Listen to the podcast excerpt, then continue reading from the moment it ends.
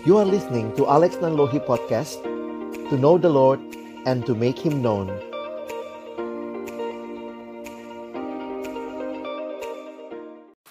Mari sebelum kita membaca merenungkan firman Tuhan, kita berdoa. Bapa di dalam surga kami kembali bersyukur untuk rangkaian pembinaan retret yang Tuhan berikan kepada kami di dalam kami bersama-sama dipersiapkan melayani di pelayanan di kampus di mana Tuhan menempatkan kami. Sekali lagi kami menaikkan syukur kami untuk anugerahmu, untuk setiap rekan-rekan yang boleh memberi diri terlibat di dalam pelayanan ini, itu semua bukan karena sekali lagi kuat dan gagah kami, tetapi seperti pujian kami, it's only by your grace alone. Karena itu kami berdoa ketika kembali di akhir dari seluruh rangkaian pembinaan kami, kami akan kembali membuka firman-Mu. Kami mohon ya Tuhan, bukalah juga hati kami. Jadikanlah hati kami seperti tanah yang baik, supaya ketika benih firman Tuhan ditaburkan boleh sungguh-sungguh berakar bertumbuh, dan juga berbuah nyata di dalam hidup kami. Berkati hambamu yang menyampaikan, setiap kami yang mendengar, Tuhan tolonglah kami semua. Agar kami bukan hanya jadi pendengar-pendengar firman yang setia, tapi mampukan dengan kuasa dari rohmu yang kudus, kami dimampukan menjadi pelaku-pelaku firmanmu di dalam kehidupan kami. Bersabdalah ya Tuhan, kami anak-anakmu sedia mendengarnya dalam satu nama yang kudus, nama yang berkuasa, nama Tuhan kami Yesus Kristus, kami menyerahkan pemberitaan firman-Mu. Amin. Shalom, selamat hari Minggu teman-teman sekalian. Bersyukur buat kesempatan ini saya coba share screen untuk um, materi hari ini gitu ya. Nah teman-teman, uh, ketika melihat apa yang Tuhan nyatakan sekali lagi ya bagi Eh, teman-teman di PNJ melihat bagaimana Tuhan bermurah hati terus boleh melibatkan teman-teman generasi selanjutnya melanjutkan pelayanan ini saya makin menyadari ini semua adalah karena cinta Tuhan yang besar bagi mahasiswa bagi teman-temanmu yang ada di kampus ya. Dan kiranya teman-teman boleh menjadi alat kasih karunia Tuhan juga perpanjangan tangan Tuhan untuk melayani kaum intelektual secara khusus yang ada di kampusmu di PNJ ya. Nah, teman-teman hari ini dalam sesi saya yang menjadi juga akhir dari seluruh rangkaian eksposisi kalian adalah bagian yang sama-sama kita akan renungkan di dalam 2 Timotius pasal yang ketiga. Mari kita siapkan 2 Timotius pasal 3 ayat 10 sampai 17. Dan nanti kita lanjutkan dengan 2 Timotius pasal yang keempat ayat 1 sampai ayat yang ke-8 ya.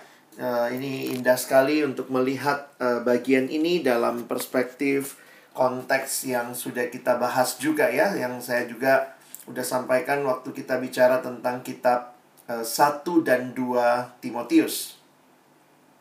Nah, sekali lagi buat teman-teman yang mungkin uh, sudah siap, kita akan lihat sama-sama. Saya tuliskan juga ayatnya di screen ya, supaya kita bisa mengikuti. Nah, saya akan bacakan bagi kita.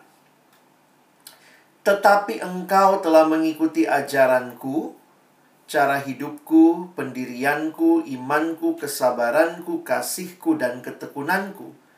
Engkau telah ikut menderita penganiayaan dan sengsara seperti yang telah kuderita di Antioquia dan di Iconium dan di Listra semua penganiayaan ini itu kuderita dan Tuhan telah melepaskan aku daripadanya. Memang setiap orang yang mau hidup beribadah di dalam Kristus Yesus akan menderita aniaya. Sedangkan orang jahat dan penipu akan bertambah jahat, mereka menyesatkan dan disesatkan. Tetapi hendaklah engkau tetap berpegang pada kebenaran yang telah engkau terima dan engkau yakini dengan selalu mengingat orang yang telah mengajarkannya kepadamu. Ingatlah juga bahwa dari kecil engkau sudah mengenal kitab suci yang dapat memberi hikmat kepadamu dan menuntun engkau kepada keselamatan oleh iman kepada Kristus Yesus. Segala tulisan yang diilhamkan Allah memang bermanfaat untuk mengajar, untuk menyatakan kesalahan, untuk memperbaiki kelakuan, dan untuk mendidik orang dalam kebenaran. Dengan demikian, tiap-tiap manusia kepunyaan Allah diperlengkapi untuk setiap perbuatan baik di hadapan Allah dan Kristus Yesus yang akan menghakimi orang yang hidup dan yang mati, aku berpesan dengan sungguh-sungguh kepadamu demi penyataannya dan demi kerajaannya. Beritakanlah firman, siap sedialah baik atau tidak baik waktunya, nyatakanlah apa yang salah, tegurlah dan nasihatilah dengan segala kesabaran dan pengajaran. Karena akan datang waktunya orang tidak dapat lagi menerima ajaran sehat. Tetapi mereka akan mengumpulkan guru-guru menurut kehendaknya untuk memuaskan keinginan telinganya. Mereka akan memalingkan telinganya dari kebenaran dan membukanya bagi dongeng. Tetapi, kuasailah dirimu dalam segala hal, sabarlah menderita, lakukanlah pekerjaan pemberita Injil, dan tunaikanlah tugas pelayananmu mengenai diriku, darahku sudah mulai dicurahkan sebagai persembahan dan saat kematianku sudah dekat. Aku telah mengakhiri pertandingan yang baik, aku telah mencapai garis akhir dan aku telah memelihara iman. Sekarang telah tersedia bagiku mahkota kebenaran yang akan dikaruniakan kepadaku oleh Tuhan Hakim yang adil pada harinya. Tetapi bukan hanya kepadaku, melainkan juga kepada semua orang yang merindukan kedatangannya. Sedemikian jauh pembacaan firman Tuhan. Berbahagialah kita yang bukan hanya membaca, tapi merenungkannya dan juga melakukannya dalam hidup kita serta membagikannya. Nah, teman-teman yang dikasihi Tuhan, kembali kalau kita melihat konteks kehidupan setiap zaman, kayak kita yang hidup sekarang misalnya ya saya coba uh, menggambarkan seperti ini teman-teman ya. Kita sedang hidup dalam dunia yang sedang cepat sekali berubah. We live in a very fast changing world. Dunia yang sangat cepat dengan segala kemajuan teknologinya. Tetapi juga pada saat yang sama firman Tuhan tadi katakan bahwa dunia ada di dalam kerusakannya dikatakan kepada kita bahwa dunia semakin jahat. Jadi memang betul satu sisi kemajuan sangat luar biasa tetapi secara karakter, secara moralitas juga mengalami kemunduran yang makin hari makin mengerikan. Dan ini yang sebenarnya diingatkan melalui kitab 2 Timotius karena juga ini hal yang terjadi di zamannya Timotius. Jadi bukan hanya baru sekarang manusia itu begitu bejatnya, begitu mengerikannya, tetapi dari zaman Timotius juga sudah diingatkan oleh Rasul Paulus. Sehingga yang terus harus menjadi pertanyaan kita saat ini, ya di tengah-tengah segala kemajuan yang terjadi, sejauh mana kondisi zaman ini mempengaruhi kita, ya? Karena teman-teman dan saya sedang hidup dalam generasi seperti ini, dan kita melayani kaum intelektual, mahasiswa yang juga mengalami dampak, terdampak dari hal-hal seperti ini. Nah, saya harus katakan dengan jujur bahwa saat ini dalam dunia sedang terjadi peperangan nilai-nilai. Misalnya kalau kita lihat ada yang namanya sekularisme ya, di mana orang memisahkan antara yang kudus dengan yang yang sehari-hari. Jadi rasanya kalau saya di kantor ya itu kudus, kalau saya di kampus itu eh, sorry saya di kantor ya itu kerja gitu ya. Saya di sekolah di kampus ya itu adalah kuliah. Lalu ya udah hidup rohani itu terpisah ya. Jadi sekularisme ini ada paham-paham seperti ini. Belum lagi di tengah-tengah kehidupan sekarang ya pragmatisme begitu rupa. Pragmatis ini kan e, pokoknya maunya yang enak dan gampang. Ini generasi yang empang katanya maunya enak dan gampang. Jadi setiap kali dapat sesuatu atau disuruh uh, melakukan sesuatu tanya dulu saya dapat apa nanti kira-kira gitu kali ya pragmatisme belum lagi konsumerisme merasa bahwa yang paling utama adalah belanja begitu ya belum lagi hedonisme Jadi waktu saya perhatikan eh, nilai-nilai ini ada nih di tengah kemajuan zaman yang luar biasa kita alami. Tapi nilai-nilai ini juga menggerogoti kehidupan iman Kristen. Jadi hedon itu jadi tujuan ya, sekedar pokoknya senang begitu ya. Hidup tuh yang penting senang aja gitu. Waduh, kadang-kadang saya pikir apakah hidup seperti itu ya? Nah, belum lagi materialisme di saat kita melihat bahwa realita yang kelihatan itu dianggap segala-galanya sehingga kesuksesan diukur dari berapa banyak materi yang dia punya. No, mobilnya mobil apa? Sudah punya rumah atau belum? Jadi akhirnya orang mengukur yang namanya keberhasilan dari berapa banyak materi yang dimiliki. Dan teman-teman jangan lupa ini ini terjadi bahkan juga saya pikir merasuk dalam banyak kehidupan orang muda apa yang kamu tonton, apa yang kamu uh, habiskan waktu misalnya ya, itu akan mem membentuk kita sadar atau tidak. Nah, dulu masa modern, masa modern memang sangat mengagumkan tentang fakta. Tetapi ketika masuk ke masa postmodern, maka yang sekarang jadi hal yang digadang-gadang begitu ya. Saya pikir ini nih. feeling. Jadi feeling dianggap lebih utama daripada fakta. Jadi eh, nggak uh, peduli itu benar apa salah. Yang penting gimana lo, lo rasanya gimana? Dari semboyan-semboyan yang ada ya, jangan lupa bahagia. Wah, jangan lupa bahagia. Seolah-olah feeling lah segala-galanya. Padahal bisa jadi dia bahagia sama tanda kutip orang yang nggak seiman jadi kadang bingung saya ya. Udah pacaran gak seiman terus jangan lupa bahagia. Maksudnya apa gitu ya. Jadi kebahagiaan dipisahkan dari kebenaran. Jadi banyak orang yang merasa bahagia padahal dia korupsi misalnya. Banyak orang yang merasa bahagia padahal dia tidak hidup benar. Dan yang penting kan hidup gua hidup gua gitu. Itu yang ditawarkan.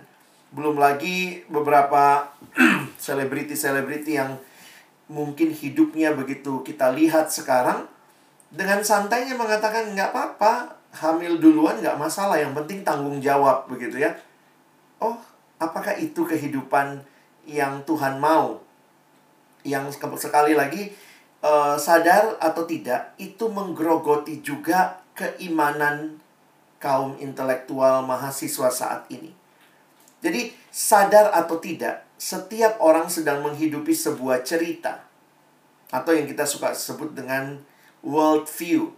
Ya, nah coba lihat ini. Ini uh, abang ada bagan ini. Jadi kalau kita mau trace gitu ya, ada berapa world view banyak sih ya. Yang world view itu yang warna merah. Kalian bisa zoom, gedein gitu ya. Yang world view itu yang warna-warna merah. Jadi kalau kayak kita mulai gitu, start dari kiri atas ya.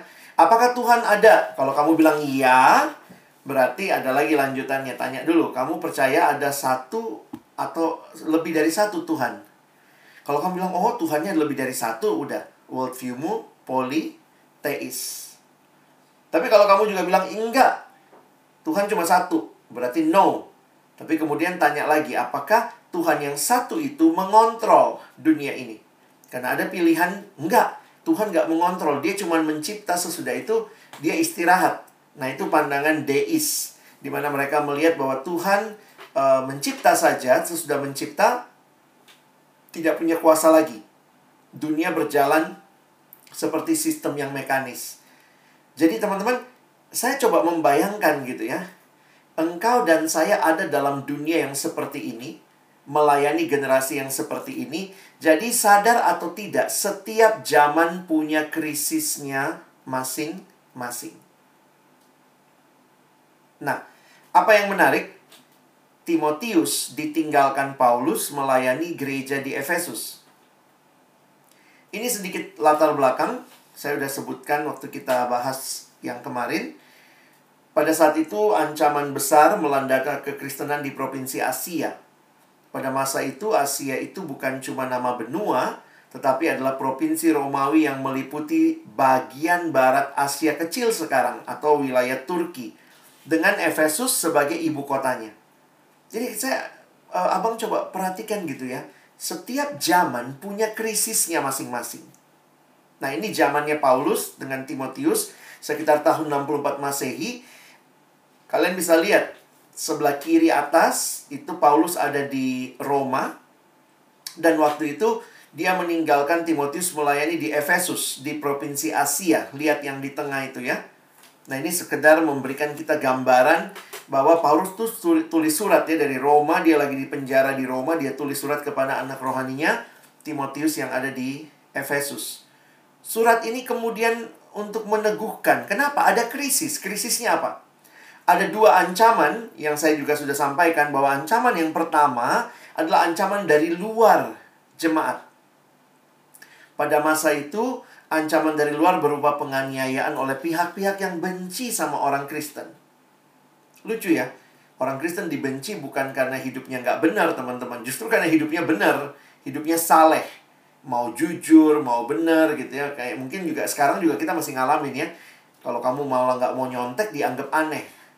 Kalau kamu remaja nggak pornografi, ah masa lu, lu cemen, masa nggak punya nafsu sih gitu ya. Jadi seolah-olah itu dibenarkan. Nah, pada waktu itu ada ancaman dari luar, dari pihak-pihak yang tidak suka dengan kekristenan, yaitu orang Yahudi dan pemerintah Roma. Tetapi pada saat yang sama juga ada ancaman dari dalam gereja, dari dalam jemaat yaitu munculnya guru-guru palsu, pengajar-pengajar palsu.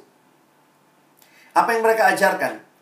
Yang kemarin Abang cerita ya, mereka mengajarkan Gnosticism, sebuah pemahaman bahwa keselamatan itu bukannya anugerah, tapi kita dapat karena kita punya pengetahuan rahasia yang harus diusahakan begitu rupa sehingga yang merasa dapat gnosis itu jadi sombong.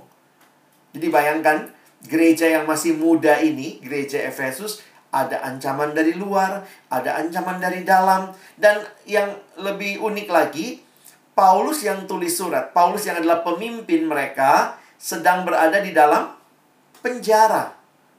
Bayangkan nih, kalau siapa tadi ketua kalian ya, Neil, Neil ternyata masuk penjara begitu ya, habis jadi ketua PNJ terus masuk penjara gitu. Wow, kita langsung mikir gitu, ngapain gue ikutan gerakan ini gitu ya? Pemimpinnya aja di penjara Nah, pada waktu itu sekitar tahun 64 Masehi menjelang akhir pemerintahan Nero, Rasul Paulus ditangkap dan harus menjadi penghuni penjara di Roma. Nah, itu latar belakang krisis di masanya Paulus dan Timotius.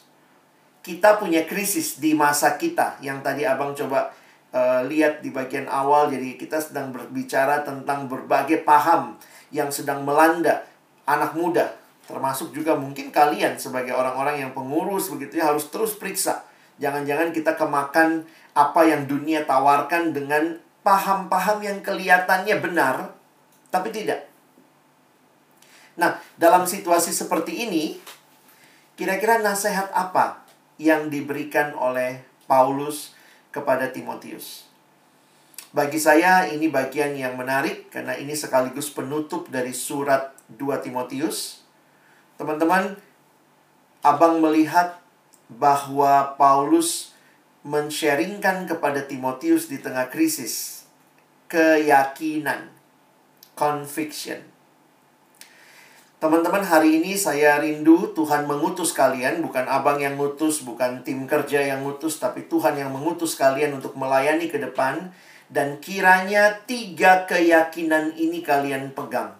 Ya, Tiga keyakinan ini kalian pegang baik-baik, teman-teman pengurus baru, mungkin juga ada yang jadi pemimpin kelompok kecil.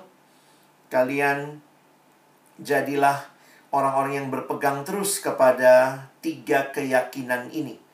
Dan itu yang saya coba sampaikan dari ayat-ayat yang sudah kita baca. Kita masuk keyakinan yang pertama, Paulus meyakinkan Timotius, mengingatkan Timotius tentang pentingnya pemuridan.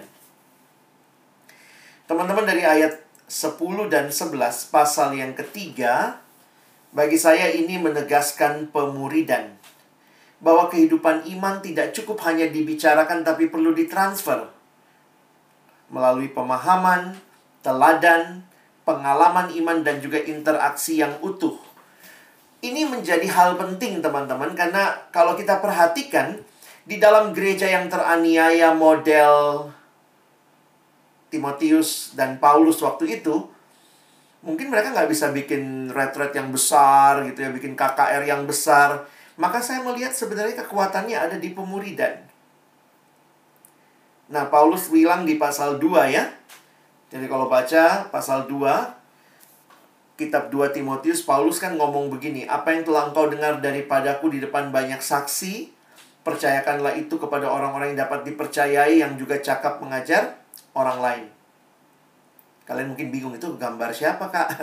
Ini kartun ya, kartun 2 Timotius dulu saya cari-cari di internet karena mau mimpin retret siswa yang bahas 2 Timotius. Eh, dapatnya kartun. Sayangnya kartunnya Korea ya.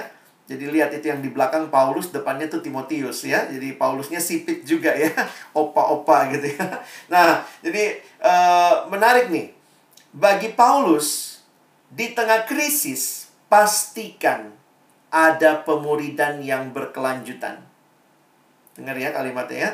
Pastikan ada pemuridan yang berkelanjutan. Teman-teman sekali lagi Paulus di penjara. Timotius dikirimin surat. Tapi apa isinya? Paulus mengingatkan Timotius penting sekali bagi hidupmu lewat pemuridan. Bayangkan di dalam ayat yang singkat ini, hanya ayat 2 ya. 2 Timotius 2 ayat 2. Perhatikan, yang ada di benak Paulus ada empat generasi. Pertama siapa? Paulus. Apa yang telah engkau dengar daripadaku? Paulus. Di depan banyak saksi. Siapa yang dengar? Timotius kan? Paulus, Timotius. Lalu percayakanlah kepada orang yang dapat dipercaya, ini generasi ketiga, dan juga cakap mengajar orang lain. Wow, bagi saya ini luar biasa. Dari dalam penjara yang gelap dan dingin, mata Paulus tidak berhenti hanya kepada Timotius. Tapi melihat lebih jauh lagi bahwa ada generasi yang akan dilayani Timotius dan ada lagi generasi selanjutnya. Dan itu berarti penting sekali kita mengerjakan pemuridan bersyukur tadi ya ada perubahan-perubahan struktur ya. Kenapa? Karena kita mau memastikan pelayanan akan berjalan dengan baik dan makin abang renungkan kasus atau situasi COVID pandemi ini. Memang benar sih kita senang bikin kebaktian yang datang banyak begitu ya. Tapi harusnya kita memastikan pemuridan terus berlangsung. Makanya saya beberapa, beberapa kali ngomong jangan cuma seneng ya yang datang Google Meet kita kebaktian kemarin yang datang Google Meet 120 500 gitu ya. Tapi berapa banyak yang benar-benar mengalami hidup yang dimuridkan? Saya pikir ini yang penting Paulus ingatkan. Masih ingat belajar dari konteks gereja di China sebelum komunis masuk itu gereja di China itu uh, berkembang tapi kemudian waktu komunis masuk harus tutup. Tapi ternyata mereka melakukan pemuridan dalam kelompok-kelompok rumah yang lebih kecil. Jadi itu yang disebut gereja bawah tanah. Jadi ketika komunis sekarang sudah mulai melemah, gereja-gereja mulai tampil lagi, ternyata jumlah orang Kristen di Cina, teman-teman, itu bertambah tiga kali lipat. Kuncinya apa? Strategi utamanya apa? Bukan kebaktian besar, lo nggak bisa kebaktian besar tentara komunis di mana-mana, tapi ada orang-orang yang secara rutin berkumpul bersama. Dan ini yang saya lihat dalam kehidupan Paulus ya. Coba lihat pasal 3 ayat 10 tadi ya. Paulus bilang begini, engkau telah mengikuti ajaranku, ada tujuhku. Ajaranku, cara hidupku, pendirianku, imanku, kesabaranku, kasihku, dan ketekunanku. Teman-teman, abang makin menyadari bahwa kehidupan iman itu nggak cukup cuma diseminarkan, diretret, diretretkan, tapi benar-benar dibagi hidup dengan hidup. Life to life. Teman-teman, kamu bisa tahu ajaran saya. Kalian dengar abang khotbah, kalian bisa tahu ajaran saya. Tapi kalian tahu iman saya, kesabaran saya, kasih saya. Nah, mungkin yang bisa bilang, oh saya tahu Bang Alex seperti ini. Adik-adik kelompok kecil saya yang benar-benar memang saya bagi hidup dengan mereka, saya lebih dalam dengan mereka, dan inilah teladan yang Paulus berikan. Jadi, uh, ketika krisis terjadi, kita ada dalam generasi yang krisis juga, biarlah kita tetap mengingat pentingnya pemuridan dipelihara. Ini Paulus sama Timotius menarik ya, relasi mereka dekat sekali. Ketika Paulus menulis kitab 2 Timotius, Paulus telah bersama dengan Timotius selama kurang lebih 16 tahun. Padahal perbedaan usianya cukup jauh ya. Tapi pemuridan itu terjadi. Sehingga juga kalau kita lihat Paulus bahkan pernah mengajak Timotius pelayanan ya. Sampai dia bisa ngomong di ayat 11. Engkau telah ikut menderita penganiayaan dan sengsara seperti yang telah kuderita di Antioquia dan di Iconium dan di Listra. Semua penganiayaan itu kuderita dan Tuhan telah melepaskan aku daripadanya. Jadi teman-teman bisa perhatikan ada pengorbanan, ada harga yang harus dibayar. Tapi ini bukan hal yang Timotius nggak tahu. Timotius dikatakan engkau sudah tahu karena engkau pernah ikut. Jadi uh, abang pikir ya pemuridan itu benar-benar menyiapkan orang ini dalam satu kehidupan yang dibagikan bersama sampai juga ngalamin penganiayaan seperti yang karena dia ikut Paulus ya di kota-kota itu Antioquia, Iconium dan di Listra. Nah, ini yang pertama. Miliki keyakinan Hai para pengurus baru, miliki keyakinan pentingnya pemuridan. Jangan cuma sibuk melakukan acara-acara besar, kekuatan pelayanan kita ada di pemuridan. Dan itu adalah nasihat Paulus kepada Timotius di tengah-tengah penderitaan yang Timotius sedang alami. Memang kadang-kadang kalau pengurus baru mungkin merasa, aduh acaranya di di uh, di posa nih begini-begini aja gitu kali ya. Ya cuman kebaktian, cuma kelompok kecil ah bikin yang agak menarik begitu ya. Nah, saya lihat tuh di beberapa kampus ada sih yang yang mau coba bikin menarik-menarik tapi akhirnya uh, menyedihkan. Menarik itu cuman kayak kembang api. Terus habis itu hilang. Kita maunya bukan seperti itu. Jangan terpancing hanya kepada hal-hal yang uh, superficial jadi ada satu persekutuan mahasiswa, kan mahasiswa itu udah sibuk. Kalau kalian udah sibuk di kampus, kalian juga sibuk di pelayanan. Nah, eh, kira-kira apa fokus pelayanan kita? Saya pikir fokusnya salah satu adalah pastikan pemuridan jalan. Nah, ada satu persekutuan mahasiswa, saya nggak usah sebut ya, bukan di Jakarta soalnya. Jadi waktu mereka bikin PMK, pengurusnya juga banyak tuh. Saya kaget juga, pengurus 3, 50 orang. Jemaatnya juga banyak, pengurusnya 50 orang. Akhirnya uh, bikin kegiatan tuh biasa lah ya kalau ada pengurus ada ada pengurusnya kan pasti pada bikin program. Nah, ini pengurus bayangkan 50 orang pengurus mulai mengada-ngada programnya. Jadi apa program PMK? Mengadakan futsal bareng. Bagus sih olahraga bareng gitu ya. Tapi kan nggak nggak perlu ada pengurus ya sampai ngurus futsal doang gitu ya. udahlah mau main futsal ayo main gitu. Terus kemudian ada seksi uh, ada seksi paduan suara. Nah, seksi paduan suara kan bikin program juga. Programnya apa? Uh, lomba paduan suara sekota. Jadi saya kadang mikir gitu ya, waktumu tidak banyak di kampus. Kalian pengurus kampus yang punya tanggung jawab kuliah, tanggung jawab yang lain. Kadang ngerasanya gini, masa programnya cuma kelompok kecil, ah kurang kurang wah gitu. Makanya nggak banyak orang yang datang.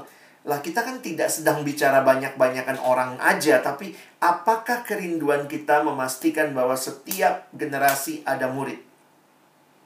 Karena itu saya malah bersyukur melihat ada satu kampus yang rela ketika dulunya pengurusnya 30, tapi ketika pengurusnya tinggal, karena fluktuasi ya di kampus tuh kadang naik turun. Dari 30 pengurus, tiba-tiba pengurus yang bersedia cuman 10 orang. Apa yang terjadi? mereka melakukan merger dua seksi. Bahkan ada satu seksi yang ditutup. Waktu itu yang ditutup seksi buletinnya. Mereka bilang ini nggak ada yang ngerjain ini. Ya udahlah kita fokus. Nah saya bersyukur tuh.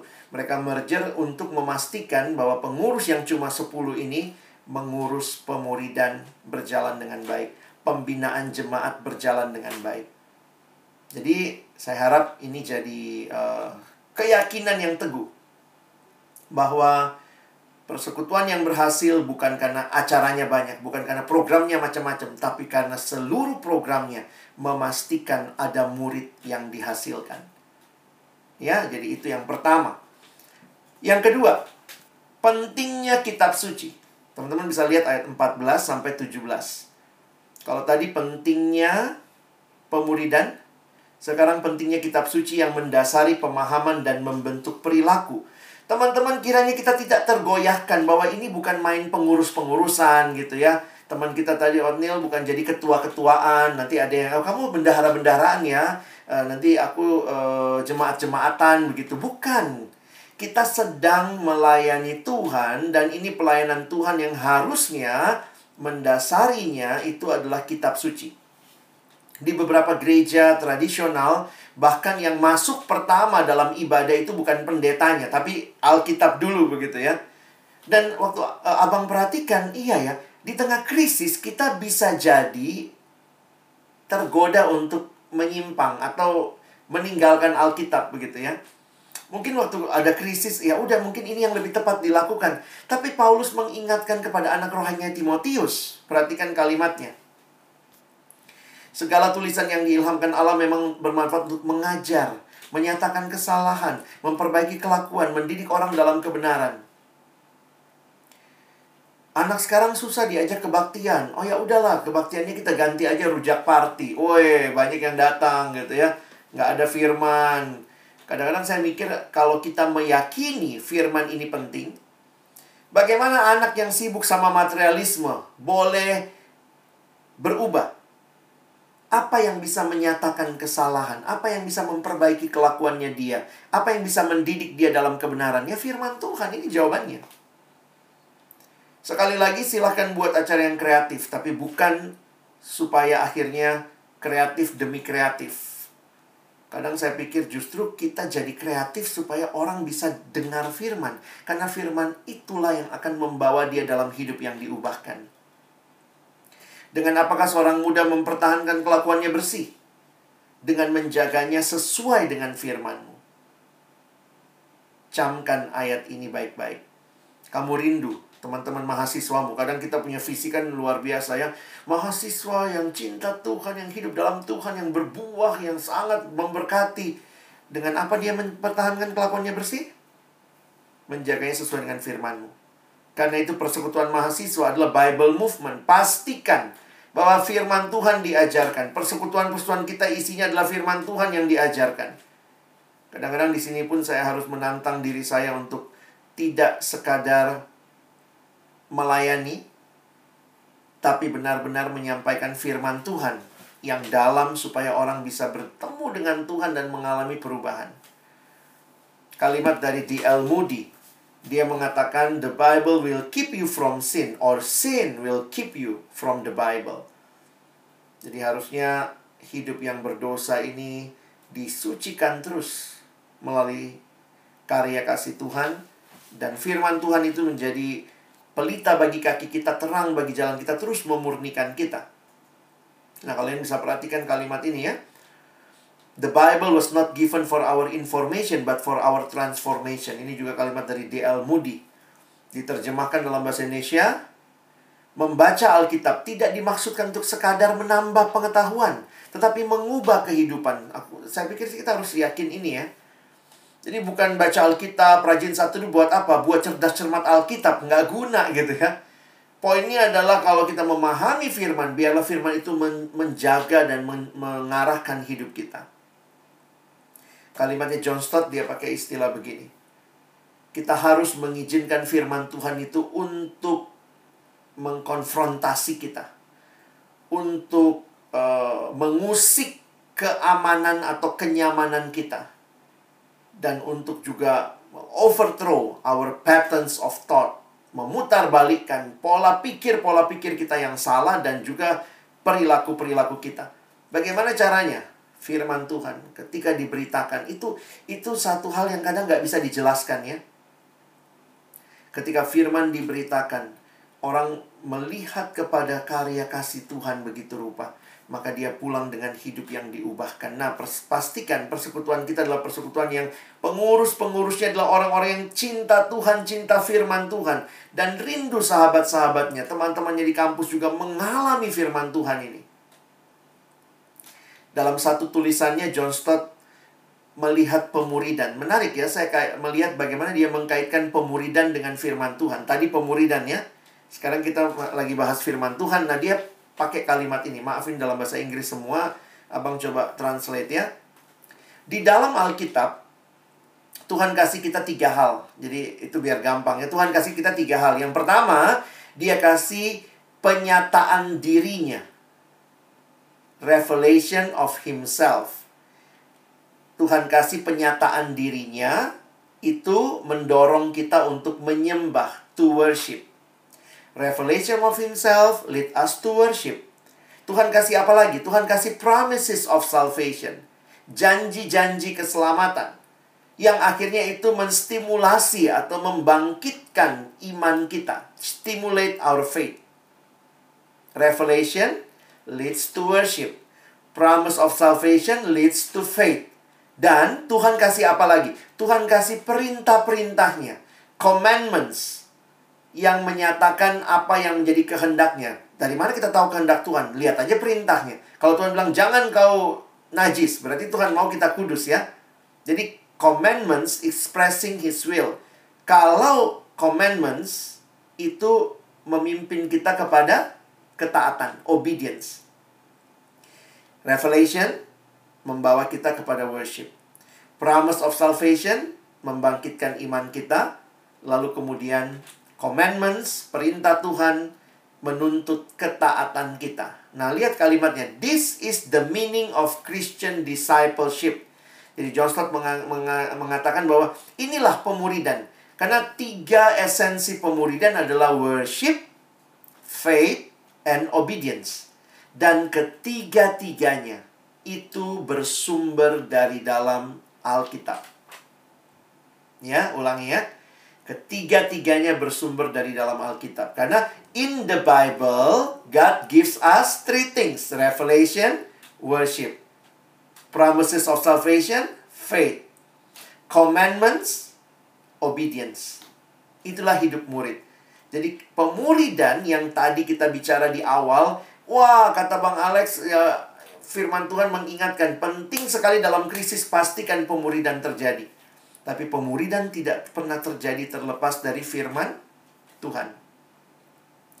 Kiranya kelompok-kelompok kecil berjalan, persekutuan berjalan, pengurus-pengurus adalah orang-orang yang hidup dalam firman. Murid yang kehidupan rohaninya dibentuk melalui firman Tuhan. Jadi, sekali lagi ya, jangan sampai kita melalaikan dua hal ini ya. Firman Tuhan yang adalah penopang pemuridan. Pemuridan yang berdasarkan firman Tuhan. Buatlah program-programmu. Bentuklah begitu rupa yang didasari pada firman yang akhirnya boleh dialami oleh setiap murid. Dan yang terakhir, pentingnya pemuridan, pentingnya firman, dan pentingnya pelayanan ya kalau cuma murid yang hidup bagi dirinya sendiri ya nggak benar juga ya. Sorry ini salah tulis. Regenerasi maksudnya. Kalau kalian perhatikan 2 Timotius 4 ayat 1 sampai 8 terlihat dengan sangat jelas bahwa penting sekali terjadi regenerasi. Dalam krisis harus ada orang yang melanjutkan pelayanan. Saya pikir ini juga uh, kalau di pelayanan mahasiswa kadang-kadang kita nggak berasa ini krisis ya. Kenapa? Karena memang pengurusnya tiap tahun ganti gitu ya. Tapi coba kalau kalian di gereja tuh, kadang-kadang nggak gampang loh cari cari pengurus. Jadi waktu saya memperhatikan ini, Paulus dalam akhir hidupnya, karena kita tahu sesudah dia menulis 2 Timotius, beberapa penafsir mengatakan tidak lama kemudian Paulus meninggal dunia, mati martir.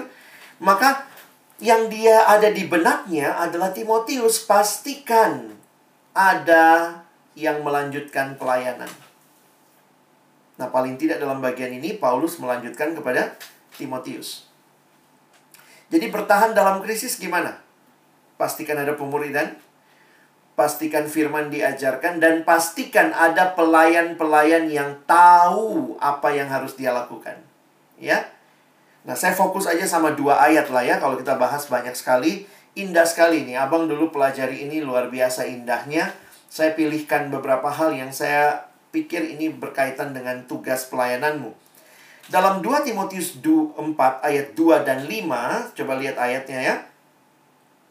Beritakanlah firman, siap sedialah baik atau tidak baik waktunya, nyatakanlah apa yang salah, tegurlah dan nasihatilah dengan segala kesabaran dan pengajaran. Lalu di ayat yang kelima, sekali lagi perhatikan kalimatnya. Kuasailah dirimu dalam segala hal, Sabarlah menderita, lakukanlah pekerjaan pemberita Injil dan tunaikanlah tugas pelayananmu. Dalam dua ayat ini saya mendapat kesimpulan yang menarik yang Paulus tekankan kepada Timotius bahwa di tengah-tengah situasi krisis yang terjadi ada ancaman dari luar, ada ancaman dari dalam. Tetapi kamu Timotius kuasailah dirimu. Kamu Timotius jangan berhenti beritakan firman. Kamu Timotius siap sedia baik atau tidak baik waktunya. Jadi dari dua ayat ini Abang simpulkan baik ayat 2 maupun ayat 5 kedua-duanya fokusnya adalah beritakanlah firman. Jadi poinnya adalah teruslah melayani. Jangan berhenti melayani. Kadang-kadang memang situasi sulit membuat orang mundur ya. Tapi nasihat Paulus kepada Timotius, no. Terus beritakan firman. Pada segala kesempatan, nah ini kesimpulannya bagus ya. Pada segala kesempatan, dalam segala kebenaran, dengan segala usaha. Saya ulangi ya. Pada segala kesempatan, dalam segala kebenaran, dengan segala usaha. Tadi ada kalimat siap sedialah, baik atau tidak baik waktunya. Lalu ada kalimat lagi tadi, uh, nanti kalian lihat di ayat yang ketiga, dia mengatakan ada akan tiba waktunya orang tidak mau lagi mendengar ajaran yang sehat, tapi mengumpulkan guru-guru menurut keinginan telinga mereka. Karena itu, setiap kesempatan pakai, lakukan dengan segala kebenaran, karena jangan sampai kamu jadi ikut menyesatkan ya. Karena waktu itu ada ajaran sesat. Tapi juga kemudian ada segala usaha. Teman-teman, COVID ini, pandemi ini membuat beberapa pelayanan lumpuh loh. Saya bersyukur ya pelayanan mahasiswa itu cepat adaptasi. Langsung bikin ibadah, langsung apa gitu. Tapi ada beberapa pelayanan yang awal-awalnya jadi kayak, memang karena kita nggak pernah dalam situasi kayak begini ya. Begitu krisis langsung, aduh, gamang, nggak tahu mesti ngapain. Tapi waktu melihat ayat ini, waktu COVID ini abang sangat diingatkan ayat ini. Saya ingat waktu minggu pertama lagi COVID, terus kemudian uh, ayat ini terngiang di benak saya. Beritakanlah firman, siap sedialah baik atau tidak baik waktunya. Jadi saya bilang ini kalaupun lagi nggak baik waktunya harus nih kita lakukan sesuatu dan akhirnya uh, mulailah ya uh, kita coba ibadah online dan seterusnya. Karena saya melihatnya Paulus aja Paulus tuh nggak cuma ngomong teman-teman ya. Waktu Paulus tulis 2 Timotius, Paulus lagi di mana? Paulus lagi dalam penjara, teman-teman. Mungkin kita kalau kita sekarang mikirnya gampang ya, tapi jangan lupa loh, pada masa itu kita belum punya kertas seperti sekarang. Jadi kalau Paulus tulis surat, pasti dia harus tulisnya di yang namanya gulungan kitab. Dia lagi dalam penjara, dia lagi dibelenggu. Menurut tradisi Paulus itu dibelenggu, dirantai. Dan dia harus menulis surat dari mana dapat tintanya, dari mana dapat kertasnya, nggak gampang ya. Tapi bagi saya Paulus berjuang loh supaya bisa kirim surat. Jadi kalau kita di dalam pandemi lalu mati gaya, nggak berjuang, saya pikir wah beda banget sama semangat Paulus ya. Paulus pakai media di masa dia. Media di zaman dia apa? Yaitu tulisan. Waktu itu kan uh, sudah ada uh, perkamen atau gulungan kitab. Nah, Paulus kemudian menuliskan. Jadi saya pikir, wow, Paulus itu dari dalam penjara tuh nggak berhenti. Mungkin kalau Paulus hidup sekarang dan dia di penjara, di karantina di rumah, mungkin dia terus akan menulis di status WA, di IG story ya, dia akan tulis di Facebook, terus memberitakan. Makanya kalau ada orang gara-gara pandemi ini mati gaya, nggak tahu mau ngapain gitu ya, saya pikir mah, ayo belajar dari Paulus ya. Ada kalimat yang menyentak saya waktu persiapan tentang uh, waktu pandemi ini ya. Ini kalimatnya. Karena pemberitaan Injil inilah, kata Paulus, aku menderita, malah dibelenggu seperti seorang penjahat. Tetapi, wow, ini luar biasa. Firman Allah tidak terbelenggu. Ya, teman-teman ingat beberapa surat Paulus yang lain juga itu bahkan ditulis dari dalam penjara. Makanya kalau kalian belajar teologi ya ini disebut surat-surat penjara. Ada empat surat adalah surat penjara. Efesus, Kolose, Filemon, Filipi. Jadi, bisa nggak firman Allah terbelenggu? Bisa. Siapa yang membelenggunya? Bukan musuh. yang membelenggu firman Allah itu adalah ketika yang harusnya memberitakan tidak memberitakan. Saya simpulkan dengan kalimat ini ya. Firman Allah tidak akan pernah terbelenggu oleh para penentangnya kecuali oleh pemberitanya. Kalau pemberitanya malas, tutup mulut, menyerah, selesai. God's word can never be chained by its opponents, only by its messengers. Teman-teman, waktu abang menyadari kalimat ini, iya juga ya. Karena Paulus bilang, aku dibelenggu. Tapi firman tidak terbelenggu. Karena yang dibelenggu masih terus menyampaikan firman. Kiranya pengurus-pengurus baru menangkap semangat ini. Jangan berhenti pelayanan, lakukan dengan segala usaha, pada segala kesempatan, di dalam segala kebenaran. Tuhan yang mengutus kita hari ini, Tuhan yang mengingatkan kita. Teruslah bangun pemuridan, teruslah hidup dalam firman, beritakan firman sebagai landasan kehidupan dan juga teruskan pelayanan dengan sungguh-sungguh, dengan upaya maksimal. Dan ini bukan cuma sekali lagi, Paulus tidak omong doang ya. Saya melihat Paulus sampai akhir hidupnya. Teman-teman bisa lihat ayat 6 sampai ayat yang ke-8 sampai akhir hidupnya. Paulus sadar betul tidak lama lagi dia akan mati dan dia setia sampai akhir. Teman-teman, gampang ya kita setia di awal. Tapi setia sampai akhir itu yang harusnya jadi kerinduan kita juga. Saya tulis di sini Paulus meneladani Tuhan Yesus yang setia sampai akhir hidupnya. Kalau teman-teman lihat, Tuhan Yesus pun pernah berkata, Makananku ialah melakukan kehendak dia yang mengutus aku dan menyelesaikan pekerjaannya. Bukan tinggal di tengah jalan. Bayangkan kalau di tengah jalan Yesus balik ke surga ya. Aduh, males ah, panas Palestina, balik dia. Aduh, salib. Ih, serem banget ah, nggak jadi ah. Kalau Yesus balik, kelar kita. Ya. Tapi dia berkata, makananku ialah melakukan kehendak dia yang mengutus aku dan menyelesaikan pekerjaannya. Karena itu di atas kayu salib ada satu kalimat kemenangan yang luar biasa waktu Yesus berkata, "Sudah selesai." Teman-teman, kalian jadi pengurus yang seperti apa? Maukah teladani Tuhan Yesus sampai akhir? Dan Paulus juga dalam hidupnya. Dia berkata, "Aku telah mencapai garis akhir." Kita mengharapkan apa sih dari pelayanan ya? Saya ingat kalimat ini ya waktu Yesus cerita tentang uh, perumpamaan perumpamaan tentang talenta maka yang menarik pujian yang Tuhan berikan kepada yang punya lima talenta, yang punya dua talenta sama ya pujiannya. Bagi saya menarik sekali. Ini kualitas pelayan yang kiranya jadi doa kita. Karena Tuhan memujinya begini. Baik sekali perbuatanmu itu hai hambaku yang bukan yang sukses ya.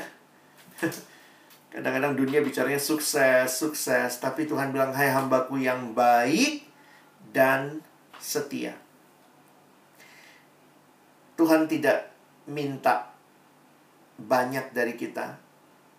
Tapi Tuhan minta kita setia sampai akhir. Ada kalimat yang abang renungkan, tadi saya sudah sebutkan ya. Banyak orang yang memulai dengan baik, tetapi sedikit yang mengakhirinya sampai akhir dengan baik. Kiranya adik-adikku yang hari ini menjawab panggilan Tuhan, teruslah setia. Tentu tidak mudah ingat Tuhan kita lewat jalan salib ya. Maka kita nggak mungkin pelayanan lewat jalan tol. Tuhan, engkau aja yang lewat jalan salib. Ah, aku mau melayanimu tanpa hambatan. Saya mau lewat jalan tol. Saya ingat sekali kalimat seorang sahabat dia mengatakan, karena Kristus sudah lewat jalan salib. Kalau engkau dan saya siap mengikuti dia, siaplah melalui jalan salib. Tapi ingat, di ujung sana ada mahkota kemenangan. Itu juga yang Paulus yakini. Sulit sekali jalannya. Bayangkan loh, matinya di penjara gitu ya. Atau dia ada dalam penjara loh, kemudian dia mati martir gitu ya. Teman-teman, saya mau coba akhiri dengan ayat-ayat ini ya. Coba lihat sebentar, coba pahami. Abang sekali lagi kasih konteksnya. Bayangkan si opung Paulus ini, tulis surat sama Timotius, dia ada dalam penjara dan penjara kali ini adalah penjara yang berbeda dengan pemenjaraan yang pertama. Pemenjaraan yang terakhir ini adalah pemenjaraan di mana Paulus sulit sekali dikunjungi orang. Menurut tradisi dikatakan dia dipenjara di penjara bawah tanah yang gelap dan dingin di kota Roma. Itu memang penjahat eh, itu memang penjara untuk penjahat-penjahat yang spesial. Paulus dikategorikan penjahat padahal dia tidak melakukan kejahatan. Dia dibelenggu. Dalam tradisi dikatakan dibelenggu kepada empat orang. Jadi bayangkan, dua tangan dibelenggu, dua kaki dibelenggu, lalu dibelenggu kepada empat penjaga. Yang masing-masing dengan satu belenggu dan itu katanya setiap enam jam berganti penjaga. Jadi bayangkan ya, betapa pentingnya Paulus ini ya, sampai dia dibelenggu begitu rupa dari dalam penjara, Paulus mengatakan kalimat ini teman-teman ya. Kadang-kadang abang waktu perhatikan, wow, luar biasa kalimatnya. Mengenai diriku, darahku sudah mulai dicurahkan sebagai persembahan dan saat kematianku sudah dekat. Aku telah mengakhiri pertandingan yang baik. Aku telah mencapai garis akhir. Aku telah memelihara iman sekarang telah tersedia bagiku mahkota kebenaran yang akan dikaruniakan kepadaku oleh Tuhan Hakim yang adil pada harinya, tetapi bukan hanya kepadaku, melainkan juga kepada semua orang yang merindukan kedatangannya. Teman-teman, waktu saya perhatikan ayat ini, saya jadi refleksi begini ya. Yang ngomong ini bukanlah orang tua ya, saya juga bisa bayangkan ya kalau misalnya kamu melayani lalu kemudian uh, ya di akhir pelayananmu ya kamu sudah tua sudah punya anak cucu lalu di di ranjang kematianmu kamu uh, duduk mungkin di kursi malas goyang-goyang lalu kemudian ngomong aku telah mengakhiri pertandingan yang baik aku telah mencapai garis akhir kalau seperti itu sih bayangannya mungkin orang bilang iya ya itu bagus banget hidupnya ya. Wah, dia sampai akhir setia. Lihat itu dikelilingi anak cucunya begitu ya. Kelihatannya indah. Tapi waktu saya kembali menghayati ini kalimat dari dalam penjara. Coba sekali lagi ya, anggap ketua PNJ kita masuk penjara terus dia kirim surat dari dalam penjara ini, aku telah mengakhiri pertandingan yang baik. Aku telah mencapai garis akhir. Mungkin kita bilang gila kau. Bagusnya itu mencapai garis akhir jangan di penjara dong. Itu mah kayak kriminal gitu ya. Jadi teman-teman jujur waktu saya perhatikan kalimat ini, saya sangat-sangat terharu. Bayangkan dari dalam penjara dia bisa bilang aku mengakhiri pertandingan yang baik, aku mencapai garis akhir. Ini kegilaan apa ini? Sampai abang perhatikan yang warna merah. Ya. Kalau kalian perhatikan yang warna merah ini pertandingan yang baik. Teman-teman, di dalam istilah kalian tentu bisa bedain ya. Apa bedanya pertandingan yang baik dengan pertandingan dengan baik? Atau saya kasih kalimatnya begini. Kalau Paulus ngomong, "Aku telah mengakhiri pertandingan dengan baik." Dengan ini lihat kalimatnya ya. Aku telah mengakhiri pertandingan yang baik. Saya udah cek bahasa aslinya, saya sudah cek bahasa Inggris juga. Menarik nih. Emang kalimatnya bukan bukan aku telah mengakhiri pertandingan dengan baik. Bukan itu kalimat yang dipakai. Bahasa Inggrisnya mengatakan I have fight I have fight the good I have fought the good fight. Saya telah mengakhiri pertandingan yang baik. Kalau, nah ini kita belajar bahasa Indonesia ya. Kalau saya atau aku telah mengakhiri pertandingan dengan baik, siapanya yang baik? Akunya. Kan pertandingan dengan baik. Tetapi kalau aku telah mengakhiri pertandingan yang baik, apanya yang baik? Pertandingannya. Nah, bisa dipahami ya? Kalau saya mengakhiri pertandingan dengan baik, yang baik itu sayanya. Tapi kalau aku mengakhiri pertandingan yang baik, maka yang baik itu adalah pertandingannya. Wow, teman-teman waktu abang menyadari hal ini, jadi kalau saya pakai kalimat lugas, Paulus tuh mau bilang begini sama Timotius. Dari dalam penjara, di akhir hidupnya dari dalam penjara, Paulus bilang sama Timotius, Timotius, aku tidak salah pilih pertandingan. This is the good fight. Ini pertandingan yang baik. Mungkin kau lihat aku matinya bakal di penjara. Kau lihat aku sekarang lagi di penjara. Tapi saya tidak salah pilih. Ini pertandingan yang baik yang Tuhan sediakan bagiku teman-teman punya iman seperti ini, mengatakan bahwa aku telah mengakhiri pertandingan yang baik, itu sangat mengharukan hati saya dan terus jadi pertanyaan saya. Kalau saya memilih melayani Tuhan, mungkin ada banyak hal yang kelihatannya tidak menjanjikan apa-apa. Mungkin kalau terlibat di BEM lebih kelihatan namanya ya tapi mungkin waktu memilih ada dalam kepengurusan, memilih jadi pemimpin kelompok kecil dibayar enggak, malah berkorban. Tapi kalimat ini menghibur. Teman-teman dan saya kita telah memilih pertandingan yang baik. Ada yang merasa salah pilih? Ya, ngapain gue jadi pengurusnya salah pilih nih ya. Tapi waktu saya baca ayat ini, kiranya kalian juga bisa meyakini dalam anugerah Tuhan. Tuhan, this is the good fight. Aku tidak nyesal. Di akhir hidupnya, waktu Paulus menoleh ke belakang, dia mau mengatakan, "Aku tidak menyesal memilih pertandingan yang Tuhan berikan, karena ini pertandingan yang baik." Kiranya ketika satu waktu Tuhan mengizinkan kamu sampai di akhir hidupmu. Waktu kau menoleh ke belakang, kiranya kau pun bisa berkata, Terima kasih Tuhan, aku tidak salah pilih pertandingan. Ini pertandingan yang baik, yang Tuhan sediakan. Dan aku mau mengerjakannya dengan baik.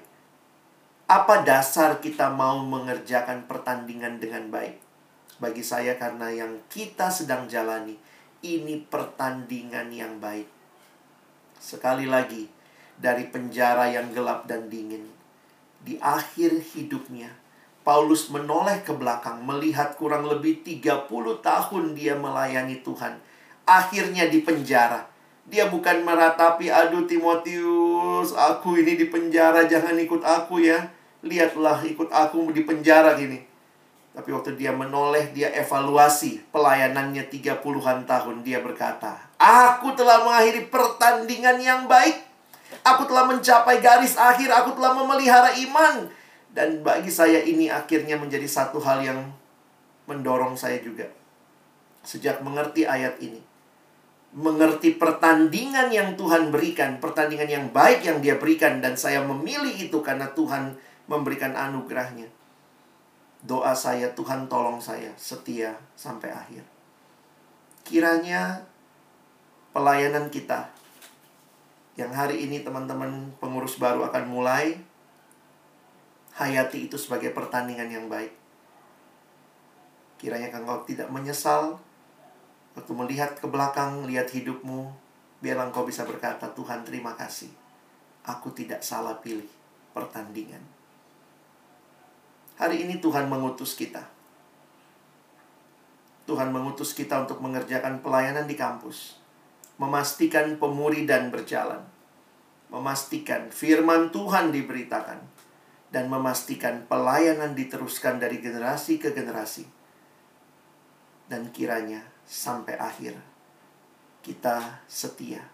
Kita memelihara iman di dalam Tuhan.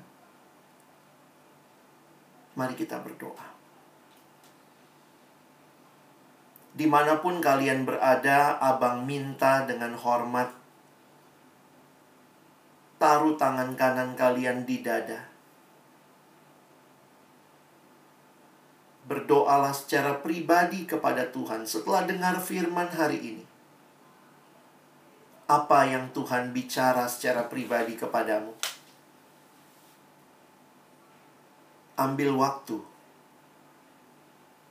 satu menit ke depan. Berdoalah meresponi firman. Menaruh tanganmu di dada menyatakan Tuhan, ini aku. Aku siap melayanimu. Apa pun yang Tuhan ingatkan melalui firman, silahkan responi dalam doa secara pribadi. Abang kasih waktu satu menit ke depan. Berdoalah secara pribadi dari tempatmu masing-masing kepada Tuhan.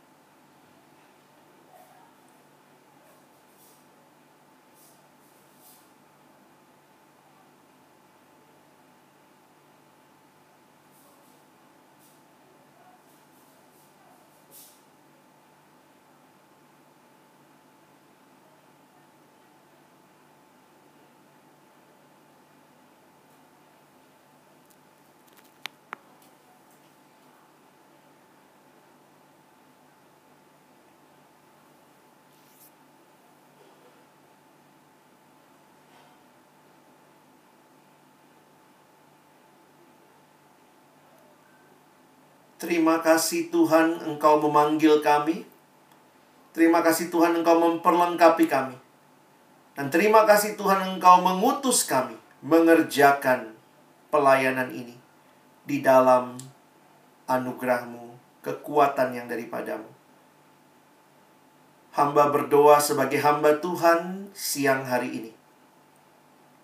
Memohonkan berkat Tuhan bagi adik-adikku pengurus yang baru. Semua kami yang ada di sini juga. Yang kami rindukan kehidupan kami boleh menjadi hidup yang terus melayani Tuhan. Hidup yang terus mengiring Tuhan dan sampai akhir hidup kami bisa berkata kami tidak salah pilih pertandingan. Seperti kami sering kali menyanyikan pujian. Saya mau iring Yesus, saya mau iring Yesus meskipun susah, meskipun menderita. Tapi saya mau iring Yesus selama-lamanya. Itulah yang menjadi komitmen kami. Itulah yang menjadi doa kami. Sekali lagi kami bersyukur untuk firman-Mu. Tiga hari yang melimpah dengan firman-Mu. Biarlah kami responi dengan ketaatan dan kesediaan untuk melayani-Mu sampai akhir hidup kami. Di dalam nama Tuhan Yesus, kami bersyukur kami berdoa. Amin.